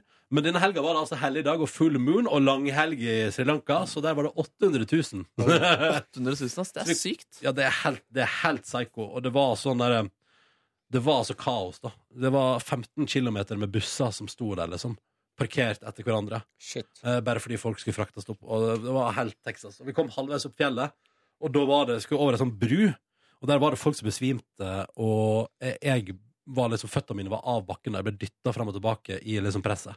Oh, Og da shit. tenkte vi sånn Hvis vi går over den brua her nå, så er det ingen turning back, da. Så da måtte vi bare gi opp og snu. Det var utrolig Så dere kom ikke dere opp? Nei, det var dritt, ass. Det var dritt, ass. Eh, og spesielt når, når den turen egentlig skal ta Eller vi trodde jo den skal ta to timer, så viste det seg når vi satt i bilen at det var seks timer. Eh, og akkurat den dagen der ble det elleve og en halv time i bil. Å, fy søren. Mm. Og da var dere ikke Dere var bare halvveis? Nei, men da kom vi oss fram, liksom, i Ah, ja. bilen der. Eh, men vi sto siste fire timene var liksom de siste 30 kilometerne inn, da, i kø. Så det var altså så begredelig. Eh, men det var jo Det blir jo noe man husker, da. Det blir jo det.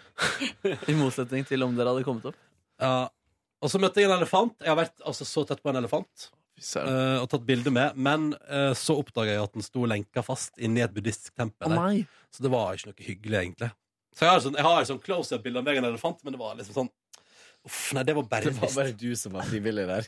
Ja, altså, det var, ja, det var den sto lenka. Skal se om jeg finner bildet, så kan jeg vise dere. Uh, men Men du virkelig la ut et bilde på sosiale medier av en elefant? Ja, det var på safari. Det var et konge. Ja, det var en, vi- det var en ekte elefant. det var elefant, og det var safari, det var påfugler og slanger og crocodiles. Å, fy søren. Noe som her, skal vi se. Så dere noen episke Jeg tror det var Tuva som la ut av eh, eh, klekking av skilpaddeegg. Ja, veit du. Vet du, ja, altså uh, Skilpadde, det har vi blitt eksponert for. For å si det mildt. Nå skal, jeg vise dere. Det er liksom Her er meg og elefanten, da. Men den står lenka fast, så det er jo bare stusslig. Oh. Ja. Men ja, stakkar. andre kvelden vår tror jeg på Sri Lanka, så ender vi opp med å spise middag på hotellet vi bor på. sitter på stranda da og spiser nydelig reis og curry. Uh, og så plutselig er det et voldsomt ståhei på naborestauranten. Og da midt mellom tre restaurantbord og en parasoll, så plutselig kommer det da opp fra sanden en ti-tolv eh, skilpaddeunger som har blitt klekka den kvelden. Og der moderskilpadda tydeligvis har kommet på natta og trodd at den eh, parasollen er et tre. Og tenkt sånn, her er det trygt å legge egga sine. Så, men det skjer jo, da. Så klekkes det masse egg, så da måtte man liksom redde dem opp, da, så de ikke blir trampa ned, og sende dem ut i havet. Og så siste kvelden vår Ble det skilpaddesuppe? Eh, nei, det ble ikke skilpaddesuppe. Men siste kvelden så sitter vi på et annet hotell og har egentlig, hadde egentlig andre planer. Men så, lang historie. Det, kom, eh, det var jordskjelv i Indonesia. Samme plass som i 2004. Ja. Redselen for tsunami greip oss. Uh, og det ble først sendt ut tsunamivarsel til uh, næromliggende område. Men så ble det trukket tilbake. Det var, det var ingen fare. Men det gjorde til at vi ble forsinka. Vi kom oss ikke ut på restaurant, så vi ble sittende på hotellet vi var på eh, siste kvelden. da Og da, vet du, når vi sitter der og spiser middag, så plutselig er det voldsomt ståhei der, og da er det faen meg gigaskilpadde på stranda! Altså, vi snakker liksom like svær som meg, da. Hvis du tar vekk beina mine, så er den like stor som overkroppen min. Liksom. Oi, oi, oi. Og vralta rundt der skjegg også? Eh, ja, ja, ja. Og vralta rundt og kasta sand opp. Og en fyr der mener at den er sikkert 90 år gammel. Oppå la egg, da. Så det er, for vi fikk sett, sett nok skilpadde, ja. Det fikk det er vi. kult, det. Ja, det er så rått. Hvor mye fikk du betalt for å ta på det skilpaddeskallet? Nei, det er jo er det dårlig lønning i Sri Lanka, så det var ikke så godt betalt. Og vi var jo eneste turistene der òg, så det, det var gøy. Det var gøy å se skilpadde. Eh, så det er at, det, og lå på så mange fine strender og hatt det så bra. Bada og- mye? Ja, ja, ja. Eh, og, men noen plasser òg bare skvulpa rundt i litt høye bølger. Og lagt noen egg. Det er lagt noen egg. Nei, men eh, det var mange plasser det var liksom såpass høye bølger at du må være litt forsiktig. Jeg har virkelig skjønt hva understrømma er for noe nå, da. Eh, Så det var nei, helt episk ferie. Altså, hatt det så bra. Kosa meg eh, noe enormt. Og så var det deilig å kjenne at man hadde skikkelig lyst til å komme tilbake på jobb òg. Mm. Hva med deg, da, Markemann? Nei, altså, jeg har jo fortalt litt om turnélivet der, da. Ehm, jeg vet ikke om det er noe Nei, jeg møtte på, da vi var i Berlin, Ja. så vi møtte ikke så mange celebre folk der ute. Vi møtte flere på en måte på Bylarm nå i helgen. Ja. Men så var det en som kom til oss etter konserten og sa sånn hey, We should write some songs together. Og bare sånn, ja, ok, så kult Eller sånn for en ting å åpne en samtale med. på en måte Ja. Men så var hun liksom med noen folk vi kjente, og da hun så hadde skrevet uh, Mistletoe, Justin Bieber Nei! Jo, jo, jo. Wow! Ja, altså Hun lever i LA og er låtskriver. da Nå var hun i Berlin for å gjøre sessions. Og... Wow. Ja, ja, ja. Så gøy at hun digger, da.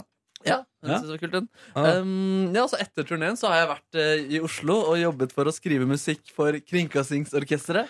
Uh, Det er òg en ting. det er også en ting altså.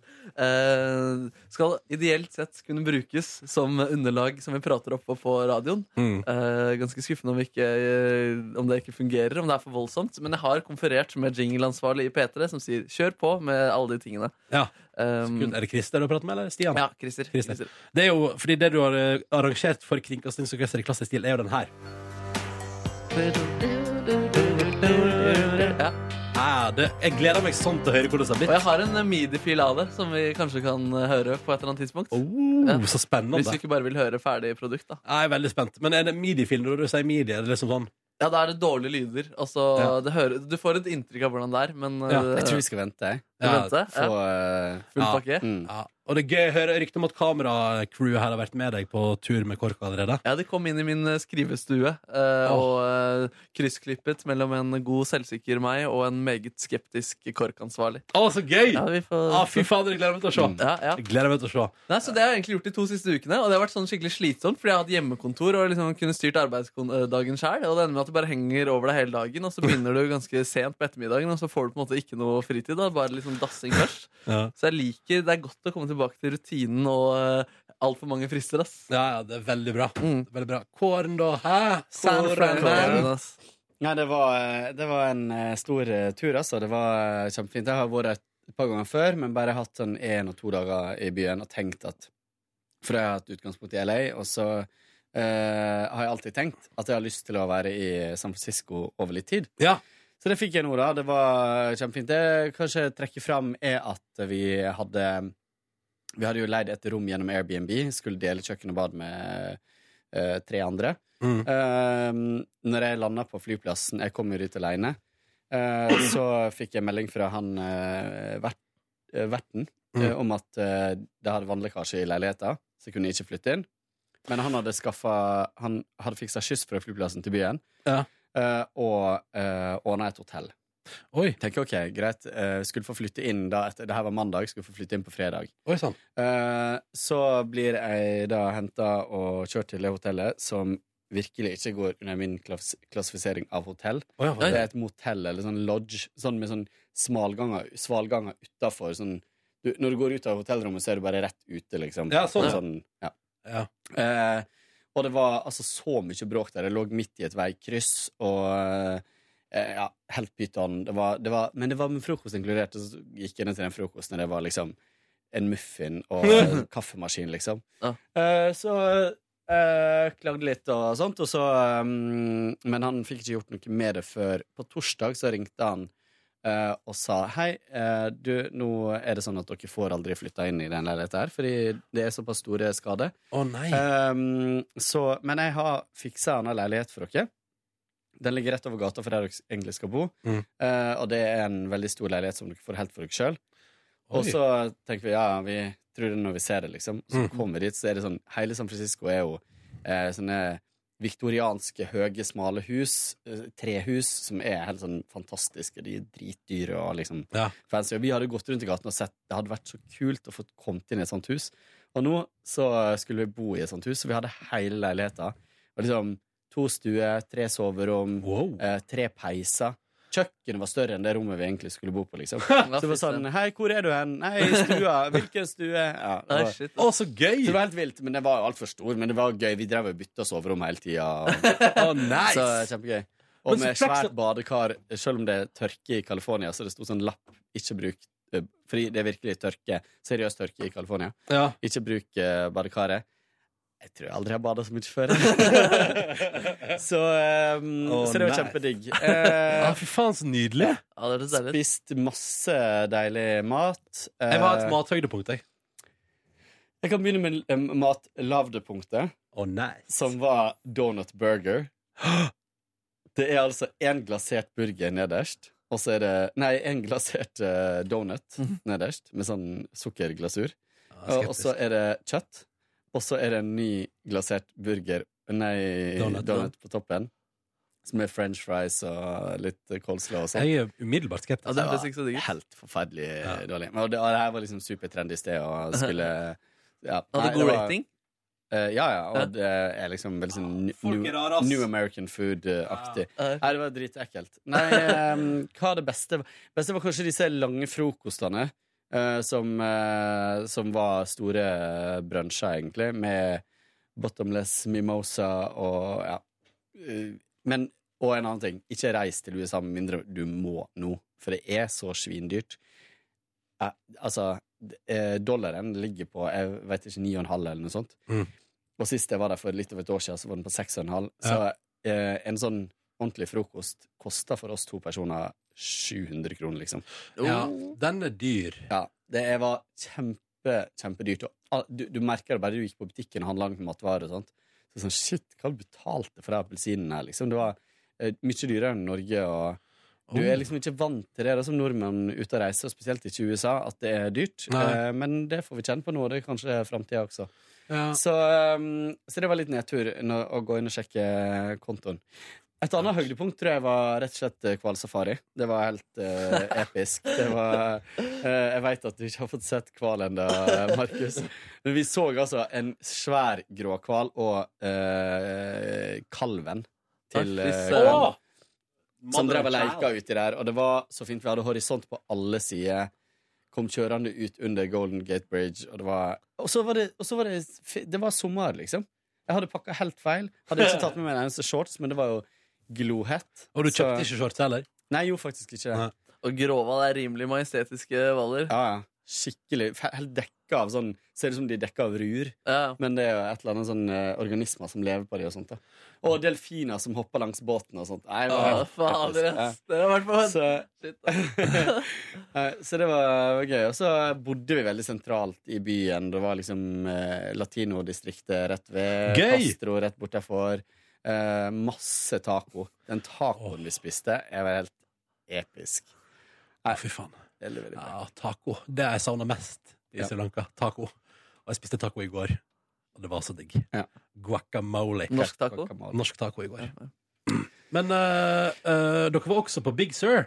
Ja, vi kjørte nedover eh, kysten, og det er også helt sånn du, du ikke, etter, etter en time så klarer ikke du å ta inn mer, da, for det er så vakkert. Ja. Eh, Jeg vet ikke om dere har sett den eh, SAS-reklamen som går, men der er det noen som kjører den veien og over en sånn dritgammel bru Ja. i et sånt voldsomt juv, og du er, har bare havet der ute, og du ser bare sånn tåk, sånn mist, eller sånn Ja.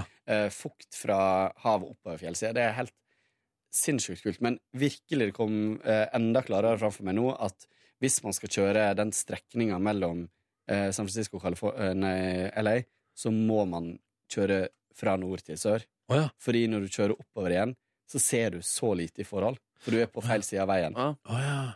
Så det var kjempefint. Vi, vi hadde bare to dager der. Eh, vi kjørte jo kanskje halvveis til LA, Mm. eller en tredjedel. Eh, stoppa, eh, stoppa langs Big Sur og bodde i ei hytte i skogen. Eh, eh, hytte etter amerikansk standard, så det var jo flislagt bad og kjempeflott. Og utafor så var det sånn uh, svær uh, bålplass. Vi fikk utdelt en sekk med ved. eh, Og satt og grilla og koste oss, drakk vin. Og, Det høres helt fantastisk ut. ja, var helt Shit, ass. ja, bra. Ja, du har kosa deg, ass. Ja, ja. Jeg, eh, Men det ble litt over to uker, ble det ikke det? Ja, det ble ja, akkurat to uker, egentlig. Ja. Ja. Så, men det var digg å komme hjem igjen, og flyturen hjem igjen gikk så Altså, flyturen bort var helt pyton. Jeg ble sittende sammen med en fyr som satt nesten Kanskje en tredjedel av turen så satt han og Det, det er jo 14 timer eller noe sånt.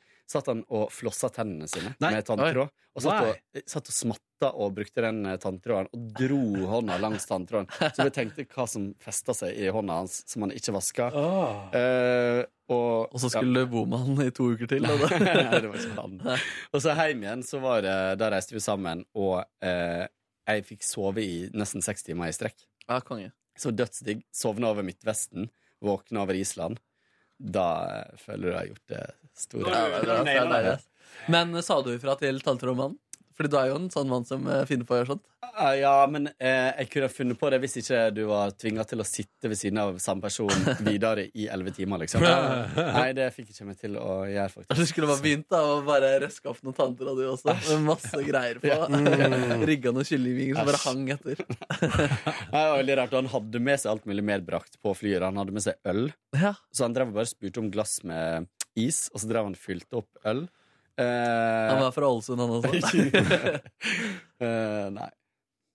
Eh, Så rart. ja, det var Det litt hørtes Han har fått med seg at dollaren er høy. Og så dro vi på Vi skulle dra Vi tenkte vi skulle gjøre litt kulturelle ting. Så vi dro på Svan, og så Svansjøen i operaen. Det var helt fantastisk. Det var Mm. dødsbra. Men så, et par dager etterpå, så dro vi Skal vi se musical, skal vi se Hair. Ja. eh, I liksom hippiebydelen i i San Francisco. Ja. Eh, det var der Flower Power oppsto, sånn, så det passa veldig bra å se Hair der. Ja. Tenkte vi Det er den dårligste oppsetninga jeg noen gang har sett. Det var Wow. eh. Forholdsvis dyre billetter, liksom, og det var dårlig Altså, det var virkelig sånn eh, videregående skoleoppsetning av sånn. eh, Hair. Og det som var gøyest, var at det var Kanskje halvparten av de, de som var eh, tilskuere, var stein.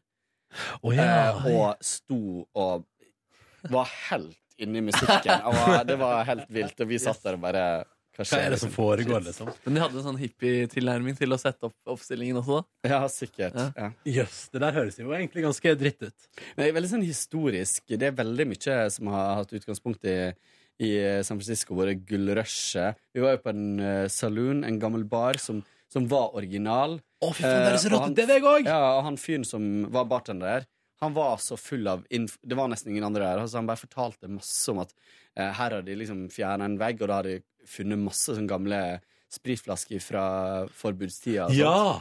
eh, som de hadde skjult der. Og det var, han fortalte at eh, foran baren, da, der som vi satt, så i gamle dager så var det piss, pisserenne under baren, sånn at du sto bare drakk øl, og så sto du og bare tissa der. Der altså, ganske rått. Det Og kvinner ingen adgang, og det var liksom Det du sykt chillet. Eller Ja. sånn der slapp man av. Jeg har ikke lyst til å stå i bar Nei. der eh, nabomannen står og drikker øl og pisser. ass. Det, det, er det, det, er det, siste. det er det siste jeg har lyst til i hele livet mitt, faktisk. Nei, det tror jeg ikke, ass. Og så er det en ny trend der ute, som eh, sikkert kommer til å komme til eh, Norge snart, eh, og det er sider. Ja, Sider den har vel kommet, har ikke den det? på. Nei, men sånn egne mikrobryggeri med bare masse Ja, yes, sidervarianter. sånn. Ja. Eh, og jeg er jo ikke så veldig glad i det, men de lagde noen sånn greier til oss med um, De hadde sånn hot sauce i sideren. Eh, Ja, du blir mer og mer nei, skeptisk her nå. det var godt, liksom. Ja. Og sånn eh, Bloody Mary-mix. Og litt reke. Ja, men så gøy! Ja. Men Siri, jeg ønsker Siri-trenden velkommen, jeg. Ja. Eh, skeptisk, men jeg åpner armer. Hva heter, men hva heter en sånn type bar hvor man pisser og drikker øl? Saloon. Det det, det, heter, er, er det, det er ikke det saloon er? At man står og pisser og drikker øl? Altså Du finner Ja, men- saloons uten pissing også? Men saloonen i gamle dager Ja. var eh, bare en bar. Eh, men det var ganske heftig miljø der. Det var alltid slåsskamper. Ja. Eh, og, og det var helt vanlig å ha pissoaret under eh, Det var bare ned på gulvet, da. Så folk sto og spytta ut skråtebakken og pissa. Faen, jeg skal ha saloon-temafest for min neste bursdag. Altså. Og lykke til. lykke til med å tørke opp en det pisset. Ja, ja. Det høres helt nydelig Det ut. er som å slåss. Soya og litt urin på gulvet der. Ja, ja, ja. Du er glad i å svelle? Ja da. Eh, ellers var det veldig hyggelig med Urørt-finale på lørdag. Ja, det var hyggelig. Ja, ja, ja, Vi var på Sentrum Scene, vi da. Kåren måtte jo gå før finalen begynte, da. Ja. Jeg var der bare på forspillet, og så dro jeg på i bursdagsfest. Å ja, Fader, det, det oppfattet jeg ikke. Nei. Du merker ikke at jeg var borte? Nei, jeg tenkte at du var der lenger. jeg. Var du Ja. ikke? Jeg, nei, jeg føler jeg liksom Jeg, jeg, jeg Det har, jeg har bilder i hodet. Det var helt annet du sto og klinte med. Du var mye kortere på skjegget da. Nice. Men var det gøy? Ja, det var veldig gøy. Ja, det var gøy. Eh, fin finale. Og så var det gøy etterpå. Uh, drakk litt øl, så Cezinando opptre veldig bra. Uh, og så Kvelertak. Det var helt Ja, konge. det var konge. Faen, det var massivt, ass. Uh. Jeg fikk rockeband-nostalgi og fikk Ja, lyst til å du bare. Det er det som er livet! Det er det som er livet. Rockeband! Men så på sosiale medier og sånt, så var det ganske mange som var litt frustrert over at de ikke gikk på TV. Ja. Som sikkert hadde benka seg foran TV-en, og så var det Mesternes mester. ja. Nei, men det gikk jo på radio. ja da. Ja. Så det, men jeg ser poenget. Ja, Mm. det var ikke på TV i år. Men det var på event, så det var hyggelig og Mm. spennende. Og så gikk vi videre på Min kjæreste dro med en hel gjeng på Rett inn bar. Rett inn bar der, altså. Som er Ja, det er akkurat det. Rett inn, og så er det bar. Og det er det bruneste stedet du, på en måte, du finner i Oslo, er det ikke det? Eller i hvert fall der hvor det er høyest takhøyde, på en måte. Det som var gøy å se nå, det er lenge siden jeg har vært der sist, men nå har jeg også begynt med kebaberi i baren. Det har jeg dessverre ikke, nei. Nei, nei, nei, jeg kjente ikke lukta heller. Mm, Du kunne bestille mat der. Jeg valgte å la være, jeg, da, men det var pizzabestilling og fullt kjør midt på natta der. Så det er jo sikkert smart, da. Får sikkert solgt en del pizza hvis folk kjenner den lukta klokka halv tre. Liksom, og bare, Ja. mm. Mm. Jeg valgte jo da å i stedet for å gå til min lokale bensinstasjon og kjøpe meg en burger der. God. Eh, husker dere forresten at uh, snakka om uh, å hive med på hipstertrenden og starte en melkebar? Ja. ja, Ja, fordi vi var liksom i et område som var skikkelig trendy, egentlig ganske nedslitt. Område som var veldig masse fancy plasser Ja. i San Francisco. Og der hadde de da ehm, eh, et sted som heter Mission. Det lå i The Mission, som er en bydel, Ja. eh, og heter Mission Cheese. Og det var eh, det, var jo, det er jo nesten melkebar. Det var ostebar. Oi. Eh, og der fikk du da servert Det var bare ost på menyen. Så fikk du ost eh, servert. Eh, og så når eh, servitøren kom med osten, så sto han og prata om det som en skikkelig avansert vinkelner, liksom. Som bare fortalte deg alt om her prosessen. Det var, var altfor mye info. Jeg ville bare spise en gå. Men, men hva drakk man? Eh, nei, de hadde, de hadde forskjellige viner til, okay, ja, eh, ja. til uh, osten. Men uh, det var Da er jo vin her. godt. Jeg er ikke så veldig opptatt av ost, men det var veldig godt. Mission Ja. Cheese, det høres ut som biografien til Jørn Kårstad. Mission Cheese. Mission cheese. Så uh, Men jøss. Så da er vi i nærheten, Kåren. Ja. It's about to happen. Mhm. Ja, ja, får følge med. Dere, nå må vi spise mat. Ja. For nå kjenner jeg at sulten bare Så da tror jeg vi bare gjør det. Og så sier vi takk for at du hørte på vårt første bonusspor på en evighet. Oh, Nå er vi tilbake igjen i morgen, vi da med bonusspor. ja. Mhm. Måtte du få en deilig tilstand? skal vi begynne å love at vi svarer på spørsmål og sånn eh, denne uka? Eller? Har vi fått inn noen spørsmål, da? Eh, jeg tror det er noen vi ikke har svart på før, i hvert fall. Det finner vi ut av. Ja. Hvis folk har spørsmål, så kan jeg sende inn nå. p3morgen.nrk.no. Vi er tilbake på mailen. Så det er bare å hive seg på. All right, takk for at du hørte på. Måtte du få en nydelig tilstand. Hei og Hør flere podkaster på nrk.no podkast. P3.